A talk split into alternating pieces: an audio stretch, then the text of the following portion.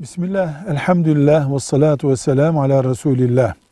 Evlerde karı kocanın geçinememesinin asıl sebebi şeytanın Müslüman dünyayı ifsad etmesi, aileyi huzursuz etmesidir. Ama maddi sebepleri saymamız illa söz konusu olacak olursa bunun en baş sebebi idealistliktir.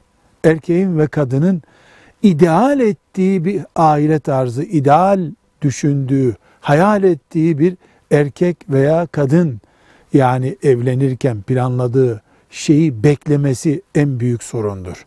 Biz hayal ettiklerimizi değil, Allah'ın nasip ettiğini kullanmayı, değerlendirmeyi becerebilsek evlerimizde huzurumuz olurdu. İkinci çok önemli nokta da kadınların kıskançlıkları erkeklerin de beğenmezlikleridir.